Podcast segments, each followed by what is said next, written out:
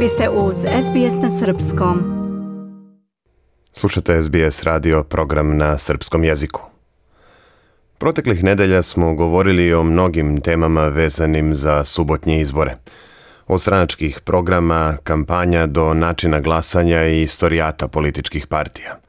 Sve te sadržaje možete pronaći na našoj web stranici na adresi sbs.com.au kosacrta Danas ćemo reći nešto više o političkom žargonu koji uvek dođe u centar pažnje u oči izbora. Fraze koje koriste političari, analitičari i mediji neretko su strane široj javnosti. Šta zapravo znače i kako su nastali pojmovi kao što su magareći glas, demokratska kobasica, glasanje ispod i iznad linije ili punjenje bureta svinjetinom, odnosno pork barreling – Monik Pueblos iz informativne redakcije SBS-a potrudila se da nam pojasni neke od ovih termina. Za početak je izabrala pojam demokratska kobasica ili democracy sausage. Ovo je svakako jedna od fraza koje se najčešće koriste pred izbore i odnosi se na specijalitet koji se priprema na mnogim biračkim mestima, kobasicu sa roštilja u parčetu tost hleba – Međutim, ova fraza je vremenom ponela i simbolično značenje, a u njenom poreklu govori emeritus profesor sa Univerziteta La Judith Brett. Profesorka kaže da je 2012. grupa mladih ljudi na društvenim mrežama koristila termin demokratska kobasica, razgovarajući o tome gde sve može da se pojede kobasica posle glasanja. Izraz je od tada postao rasprostranjen. Kada čujete termin magareći glas, verovatno vam prvo na pamet pada da se radi o nevažećem glasu. Međutim, u slučaju australijskih izbora značenje je sasvim suprotno. Magareći glas je onaj koji je važeći, ali se odnosi na način glasanja. is a ballot Magarce smatramo za glupa stvorenja i zato mislimo da je magareći glas nevažeći, a u stvari je suprotno. Reč je o glasovima koje daju birači koji po dolasku na biračko mesto kažu sami sebi nemam pojma šta se dešava u politici, niti me interesuje, pa ću samo uraditi ono što je najlakše i najbrže, samo da izađem odavde što pre, objašnjava Paul Williams, politički komentator i vanredni profesor na Univerzitetu Griffith. Ta najbrža i najjednostavnija stvar na izborima Obično je da ljudi počnu sa upisivanjem brojeva u kućicu od prvog imena na vrhu i samo idu dalje prema numeričkom redosledu, ne razmišljajući pritom za koga glasaju.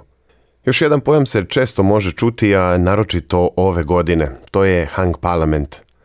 U bukvalnom prevodu znači obešeni parlament i samim nazivom ukazuje na nešto što je nestabilno. Dakle, ovaj termin se upotrebljava kada se govori o vladi koja je formirana bez većine u parlamentu, odnosno o manjinskoj vladi koja je prema mnogim istraživanjima moguća da se desi baš na ovim izborima.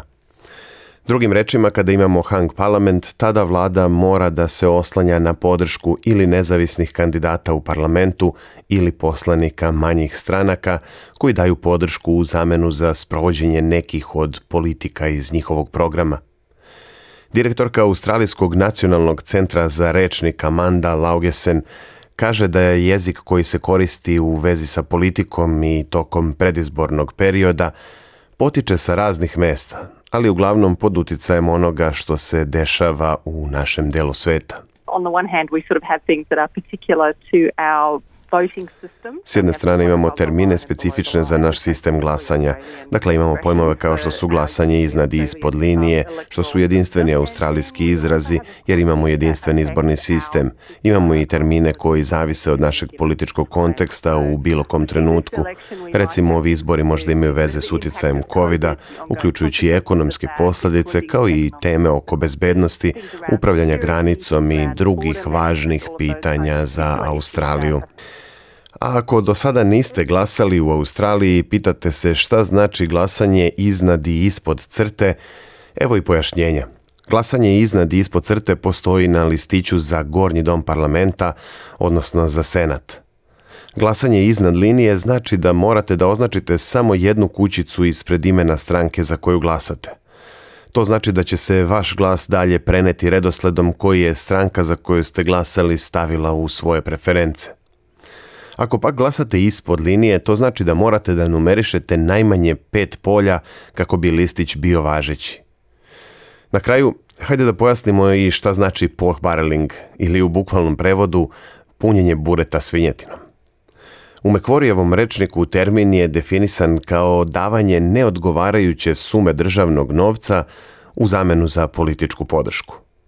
Primjer za to je kada bi recimo političar rekao biračkom telu u Sidneju da će izgraditi nove puteve ako budu glasali za njega i njegovu stranku, odnosno ako oni pobede na lokalnim izborima. Izraz punjenje bureta svinjetinom potiče iz Sjedinjenih država gdje je svinjetina bila osnovna hrana za relativno bogate ljude u 19. veku. Ukratko, to je obećanje koje vam političari nude ako ih podržite, piše Monique Pueblos za SBS News. Ja sam Branko Cvetojević. Ostanite uz SBS na srpskom. Dajte like, podelite, komentarišite. Pratite SBS Serbian Facebook profil.